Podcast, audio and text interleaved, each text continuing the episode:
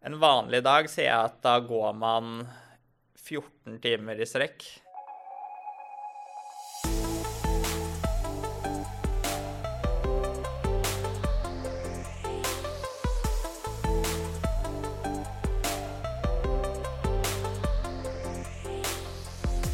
Ja, da ønsker vi velkommen til en ny episode av Fjellsportpodden. Denne episoden er på en måte en slags follow-up fra forrige episode. Vi har den samme gjesten, Sindre Kolbjørnskar. Og hvis du ikke har hørt eh, den forrige episoden, så anbefaler vi kanskje å gjøre det først. Velkommen til oss, Sindre. Tusen takk. Det er godt å være tilbake. og Jeg kjenner var litt lavere skuldre enn det var forrige gang. Da var det litt mer skummelt å være her. Da, da, følte jeg at det var, ja, det var, litt skummelt å skulle gå ut med en podkast med hva man skulle gjøre, for det var såpass u... Det virket litt umulig når jeg satt der. og få, få det ut til alle Fjellsport sine lyttere. og sånn var, Det var litt skummelt, følte jeg, men nå, nå føler jeg jeg kan sitte her med litt mer avslappa. Det er litt godt å være her med dette utgangspunktet kontra det forrige. Ja, for jeg syns vi skal begynne med en woohoo! Gratulerer! Tusen takk.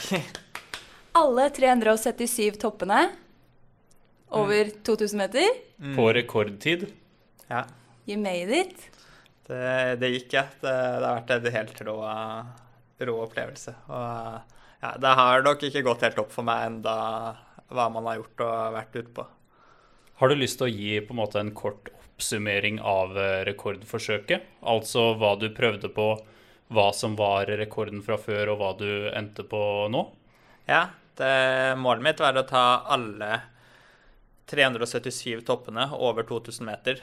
Og da samler jeg på den listen som kan kalles den gjeveste listen, som er noe som heter primærfaktor 10, som sier at fra eh, en fjelltopp til det laveste, høyeste punktet mellom to fjelltopper opp igjen, så må det være minimum ti meter da, for at det skal regnes som en topp. Og eh, det var det jeg satset på. Eh, og da er det 377 topper, og målet mitt var å ta det på under Eller én sesong, da. Eh, så jeg hadde som mål, og jeg sa vel her at jeg ville prøve det under 100 dager, var liksom litt uh, mitt overordnede mål. Og så uh, den gamle rekorden, den lå på 350 dager og er fra 2008, så den har stått en god stund. og han som satte den i 2008, han prøvde først i 2007, og så da klarte han litt over 300 topper, og så måtte han begynne på nytt i 2008, og da klarte han alt sammen da på 350 dager. Så det var liksom der rekorden sto, og det var det jeg satt ut på og skulle prøve å slå, da. Eh, og som bakgrunn da så hadde jeg 40 topper besteget tidligere, så det var 40 topper visste jeg litt om hvor han var, og de resterende 337 da, de var helt nye for meg. Wow. Og hvordan er kroppen nå, nå som du er ferdig? Jeg sier at det er litt stygt å si det, men den er egentlig helt fin. Uh, at jeg, jeg, har ikke hatt uh, I hvert fall når jeg var ferdig, så har jeg ikke noe vondt i Ikke noe vondt i noen knær, ikke noe vondt i noen ankler, ikke noe vondt uh, her eller der. Og det, det, burde egentlig ikke vært lov, så det, jeg burde hatt litt vondt i knær og sånt. Man, man, har gått ned ti kilo, så det er jo litt merkbart. men utenom det så vil jeg si at kroppen er helt fin. og ja, jeg kunne gjerne bare fortsatt når jeg sto på siste toppen. Man kan jo si at det er eh, ganske høy toppidrett i det du har drevet med nå. Og vi snakket om det flere på huset her, at eh, herregud, det er faktisk helt sykt det han har gjort. Det er ikke mange som hadde fått til det der. Nei, det, jeg sier at det, er, eh, at det er noe toppidrett i det, liksom. Og eh, jeg sier at det er mange som er bedre trent enn meg, egentlig, sånn på enkeltdager. Men jeg tror det er få i Norge som kanskje kan matche meg på hvordan hodet fungerer, og hvor, hvor dypt man klarer å grave og pushe seg selv. Da. Eh, og det tror jeg har vært en viktig nøkkel her. Har du fått noen tilbakemeldinger fra kall det ekspedisjon, eventyrmiljøet eh, på denne bragden, eller? Jeg har fått uh, en god del tilbakemeldinger fra det ekspedisjonseventyrmiljøet, og da er det liksom alt fra polfarere som sier at uh, dette her mener de at det er på grensen til umenneskelig, det man har gjennomført. da, og sånne tilbakemeldinger, da Det betyr ekstra mye, liksom, når du vet at det er folk som har vært på Sydpolen flere ganger, og de sier at det jeg har gjort, har vært på grensen til umenneskelig. Fordi jeg har jo tidligere så sett på å gjøre sånne ting som beinhardt, da. Og når du da får de tilbakemeldingene der, da.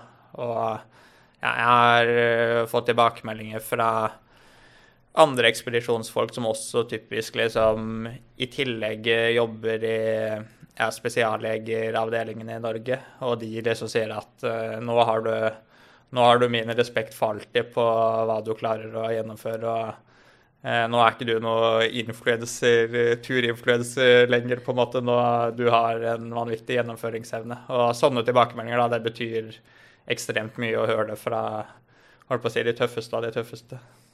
Har du vært litt redd for det stempelet? Influenserstempel? Nei, jeg har ikke vært redd for det, men jeg sier at jeg ikke liker å kalle meg influenser, på en måte. For uh, du blir jo fort satt litt i, satt litt i bås, og så uh, kan jeg òg liksom bruke litt for å tulle litt med det, da. At, uh, at jeg, jeg, var på Vinjerock for forrige gang det var, det er vel to år siden. og da, jeg, da, var jeg der med Alfa som ambassadør for de, og da fikk jeg akkreditering da på på billetten min, og så skulle jeg egentlig gå med sånn skilt, da, da skulle det stå 'blogger' på den. og, da, og da drev jeg tullet mye med det at jeg var på Viderock som blogger, liksom. Så jeg prøver å se litt av humoren din nå, men at jeg vil jo Jeg er veldig opptatt av det. Jeg vil heller bli kjent for prestasjonene mine enn at jeg tar uh, kun fine bilder og that's it, liksom. Fint å ha en eh, kombinasjon, tenker jeg da. Ja, absolutt. Men uh, kunne du tatt oss med gjennom en vanlig dag for deg i sommer? en vanlig dag sånn Jeg tror hvis vi skal prøve å forstå litt av turen, så kan vi egentlig starte på ukes. Eller at eh, det som er viktig å tenke, er at én eh, dag eh, den kan være nesten lik i ja, På det lengste så holdt man på i tre uker i strekk uten hviledag. da. Så for å på en måte sette ting litt i perspektiv. Og jeg sier at enkeltdagene de klarer folk og flest å henge med på. at så lenge du er forholdsvis greit trent, så skal du klare å bite tenna sammen i en dag og henge med, da. Men en typisk dag da er at man står opp uh, gjerne syv-åtte, hvis jeg skal ta en helt normal dag. Det er det jeg foretrekker. Og så er det gjerne å slenge seg noen brødskiver uh, til frokost. Og jeg har spist brødskiver nesten hele turen, både fordi det går raskere enn havregrøt og jeg klarer å spise mer av det. Og jeg gleder meg litt til å spise brødskiver når jeg står opp. Eh, så det er liksom sånn Det er luksusen da, på tur. Så da er det liksom Få i seg noen brødskiver raskt, og så eh, Sekken er som regel pakket hele tiden. Og så bare få oppi det man skal ha med seg av lunsj, og eventuelt noe spesielt utstyr. Og så eh, vil man gjerne prøve å være i gang og gå til klokka ni, da kanskje, eh, på morgenen. Og så da er det 1000 høydemeter som venter før du har tatt første toppen, gjerne. Eh, og det sier jeg at uh, jeg er egentlig ikke glad i høydebeter. Jeg har alltid hatet høydemeter. Uh, jeg liker meg best når det er flatt og litt enkelt. men så syns jeg det er noe fint med Mike Horn, som gikk sammen med Børge over Nordpolen, som sa at det er noe fint å stå opp hver dag og prøve å bli glad i det du ikke liker. Så det, liksom, det, blir en del av hverdagen å stå opp og gå av de 1000 høydemeterne. Kanskje du har en lang innmarsj, og så etter 1000 høydemeter så er du kanskje på førstetoppen. da. det som er litt brutalt med dette prosjektet, er det at du, hvis du snur etter Si at du skal gå 1000 høydemeter til førstetoppen, og du snur etter 980 meter, så har du egentlig ikke fått noe progresjon på turen. Eh, for du har ikke fått en ny topp, men du har, du kan bruke ganske mye energi på å gå opp og ned der. da. Eh, så det er litt sånn tøff at du, du har egentlig ikke fått noe belønning for strevet før du har kommet til førstetoppen. Eh, og så når du førstetoppen, og da er det liksom bare begynne å jobbe seg videre på flest mulig topper derifra. Og noe av nøkkelen er kanskje, eller noe av nøkkelen for min del har vært å ta flest mulig topper eh, i løpet av eh, Når du først har gått høydemeterne opp, da, så må du ta flest mulig når du er der oppe, så du ikke trenger så mange transportetapper opp og ned. Da. Eh, og da går gjerne En vanlig dag sier jeg at da går man 14 timer i strekk. Eh, og da er det minimalt med pauser. sånn ja, Stopper og spiser litt, slenger i seg et sjokolade og kjeks, og så går videre. Men det er, eh, det er sjelden mer enn ti minutter stopp, liksom. Eh, og så går det da i 14 dager, nei 14 dager, 14 timer.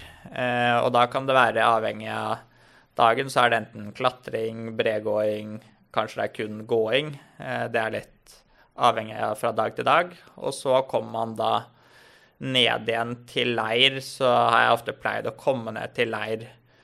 Eh, jeg pleier ofte å si at hvis jeg kommer ned til leir før klokken tolv, så er det veldig positivt. Eh, og så er det mange dager hvor du har bikket tolv, da.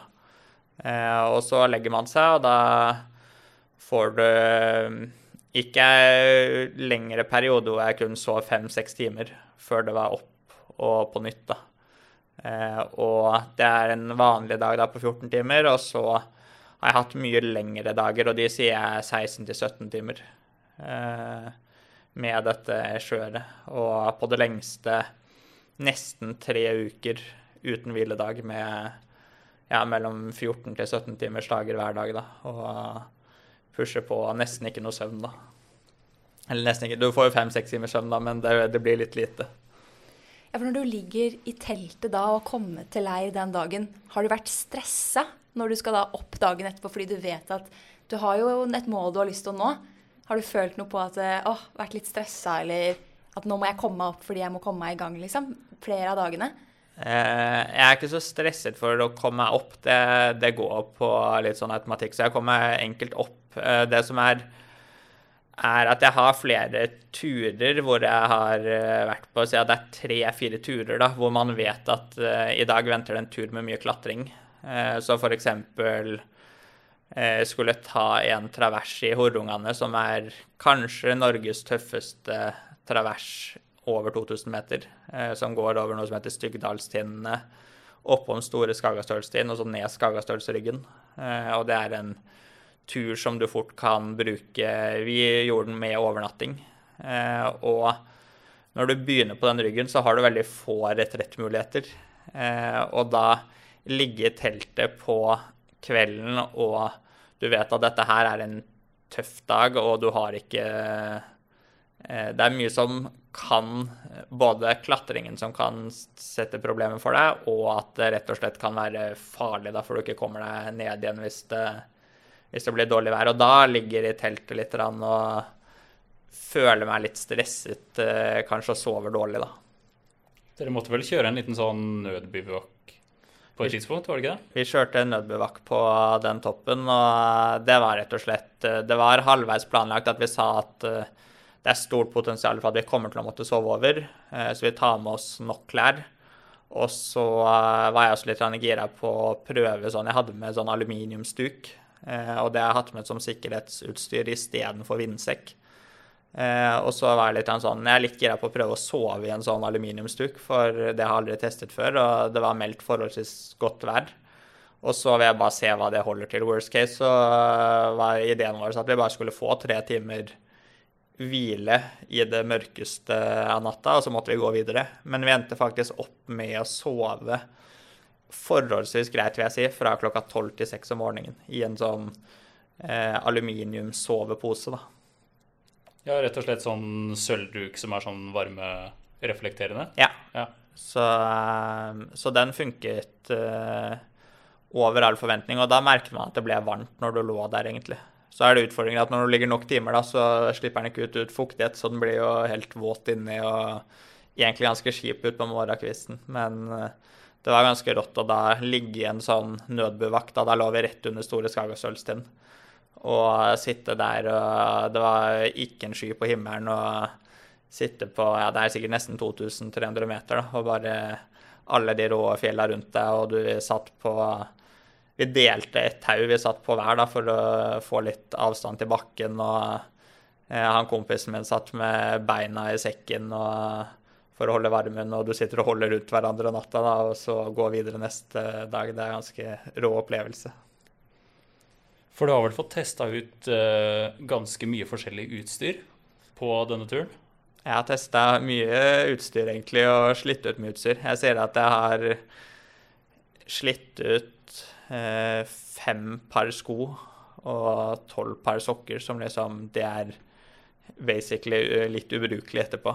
Så jeg, jeg har slitt ut sko og sokker til 16 000 da, på denne turen. Så det, det er en utgiftspost ja, på, på totalbudsjettet. Hvordan sko var det du brukte mest, da? Eh, I hovedsak så brukte jeg en terrengløpesko fra Arterix som heter Norvan 2 SL, eh, som er ja, en terrengløpesko. Og mange vil nok si at, eh, og det har jeg fått mye kommentarer på, at terrengløpesko på 2000 meter stopper er jo ikke, er jo ikke egentlig en go to-sko egentlig for mange. Og da men når du skal gå så langt, da, så klarer du kanskje å pushe Si du klarer syv kilometer ekstra da, hver dag fordi du har en lett sko. Eh, så har det ganske mye å si. Og så har jeg også brukt et par superlette fjellsko, som er en sånn modell fra Alfa som kommer ut neste år. Eh, så det har vært litt sånn prototyptesting der, egentlig. Eh, og den nå er en sko som egentlig er beregnet for, eh, for sånn vanlig stigåing. da. Absolutt ikke opp i ura 2000 meter stopper og gå på bre og klatre og sånn, men eh, å bruke de heftigste skoene blir rett og slett for tunge. Ja. Er det noe som overraska deg underveis på turen? da? Et eller annet som du ikke hadde forutsett på forhånd? Jeg er nok eh, Det som på en måte har overrasket meg mest, er litt at ikke kroppen min egentlig har brytt sammen på turen. Eh, det har vært eh, Jeg skjønner det ikke selv når jeg på det hardeste pushet eh, tre uker uten hviledag. Og så lite søvn og så lange dager. Og for å liksom klare å pushe ut dagene så mye, da, så hadde jeg med meg en del venner, og de var gjerne med i tre dager. Det var det jeg fant ut var det mest optimale. For første dagen så er de toppmotivert. Da da klarer de å gå så langt du bare ber de om. Eh, dag to så begynner de å bli litt utslitt, og det går litt saktere. Og dag tre så er de så fornøyde for det er siste dagen deres. Og eh, hvis du da bytter ut folk hver tredje dag, da, så, og de er godt trent på forhånd, eh, da kunne du pushe tre, tre uker sånn uten hviledag. Og du har fortsatt venner med alle sammen? Jeg har fortsatt venner med alle sammen. Jeg tror det, i hvert fall. Ja, så, så det har vært flere som har villet være med på flere turer. og det har gjort at man har klart å pushe så vanvittig hardt. Da. Og ja, jeg er overrasket at uh, kroppen min har holdt sammen når jeg har hatt med meg ultraløpere som har løpt uh, distanse på oppimot uh, ja, X-Raid Jotunheimen har han ene løpt, blant annet. Og så når, han etter tre dager sier at nå, nå klarer ikke han å gå lenger fordi det, dette er for tøft, liksom. Og da er jeg kanskje rundet to uker da, uten hviledag. Så uh, så da er jeg overrasket at uh, kroppen min fortsatt henger sammen, egentlig. Men uh, kroppen din har uh, forstår jeg det riktig hvis kroppen din har liksom skriket etter hvile, men du har bare pusha på? Ja. Eller har kroppen vært fin etter forholdene, liksom? Den, den, vil jo helt klart ha hvile. og at, men det, det, var spesielt den treukersperioden så er det at det var det kom et veldig godværsvindu. Og så visste jeg at jeg kan ta så veldig mye flere topper når det er godt vær. Så da utnytte det godværet. Da var det ikke snakk om å ta en hviledag, men å bare pushe på. Og i hodet mitt så var det det som var naturlig å gjøre, så det var liksom, det var aldri et alternativ å legge seg ned. Men det var flere ganger hvor jeg sa til de jeg var med at eh, du, nå må jeg vi må ta en tolv minutter, eh, fordi det er det jeg trenger for å, for å få en powernap. Og legge meg ned tolv minutter, da får jeg powernappen min akkurat, og så kunne vi gå videre etterpå, da. Bare for å få litt mer fokus. Tolv minutter er eh, det gylne tallet, visstnok? Ja, i hvert fall for min del. Men uh, hvis du skulle gjort uh, prosjektet om igjen fra i morgen, ville du gjort veldig mye annerledes?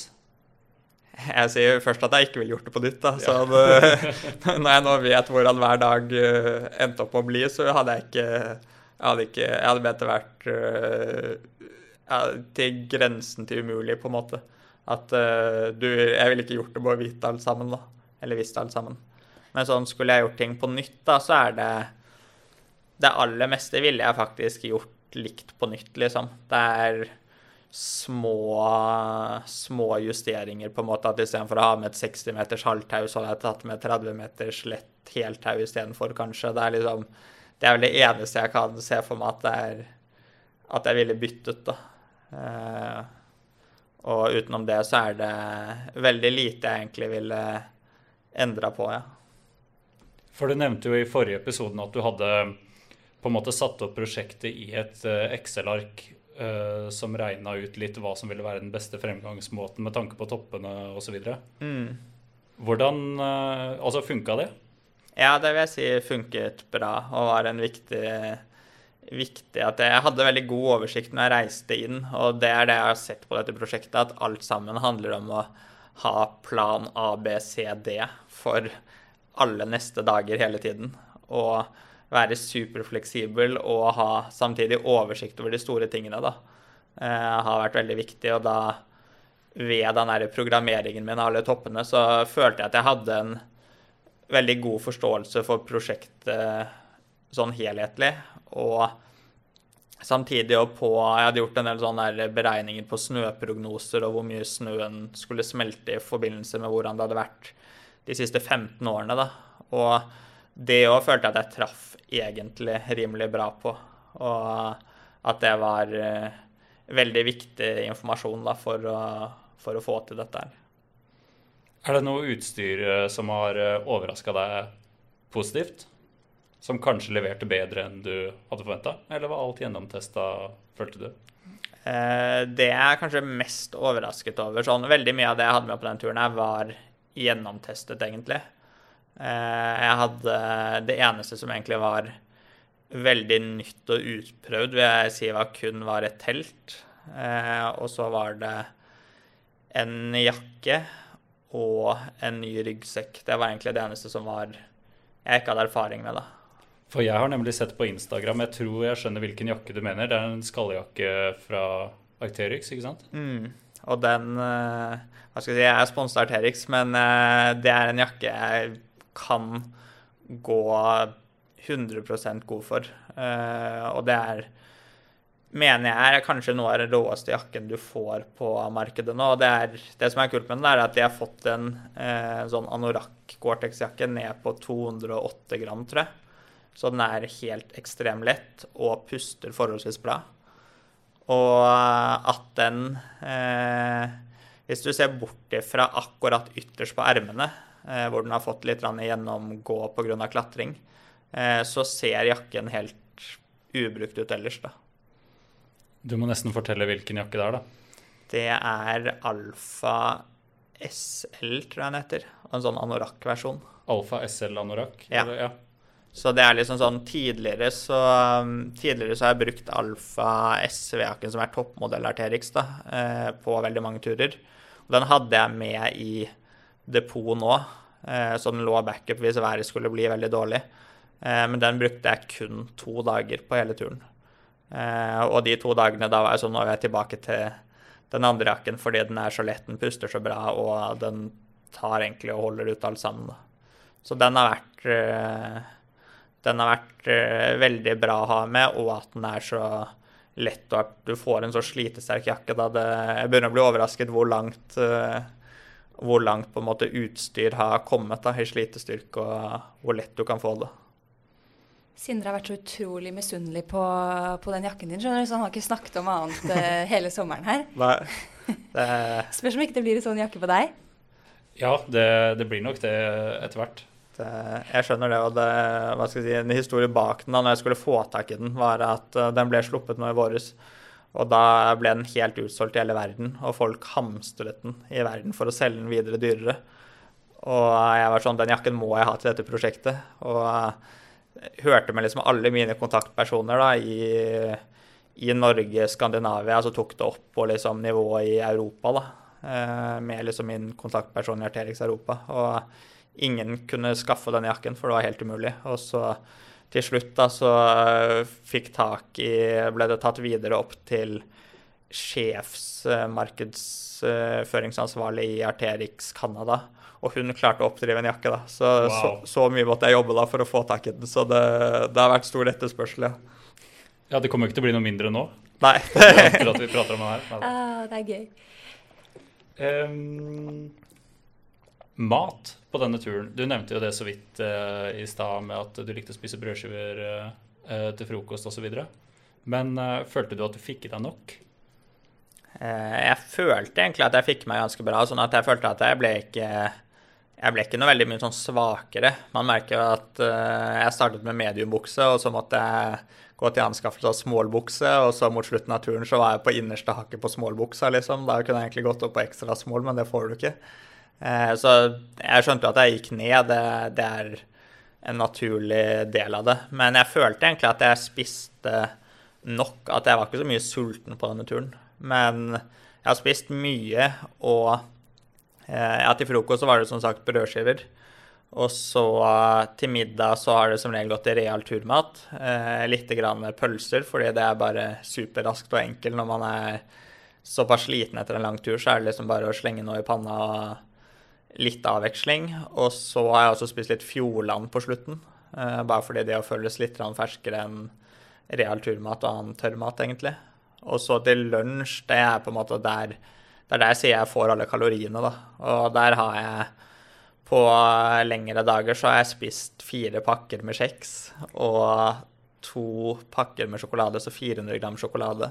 Og kanskje 100 gram nøtter, da. Og da, da snakker vi 500-600 Nei, 5000-6000 kalorier kun til lunsj fra, lunsj fra det. Ja, det er bra vi som eh, sitter på kontoret ikke har eh, den eh, lunsjen der. Men det er en solbrun og blid Sindre som sitter i studio her i dag, i hvert fall.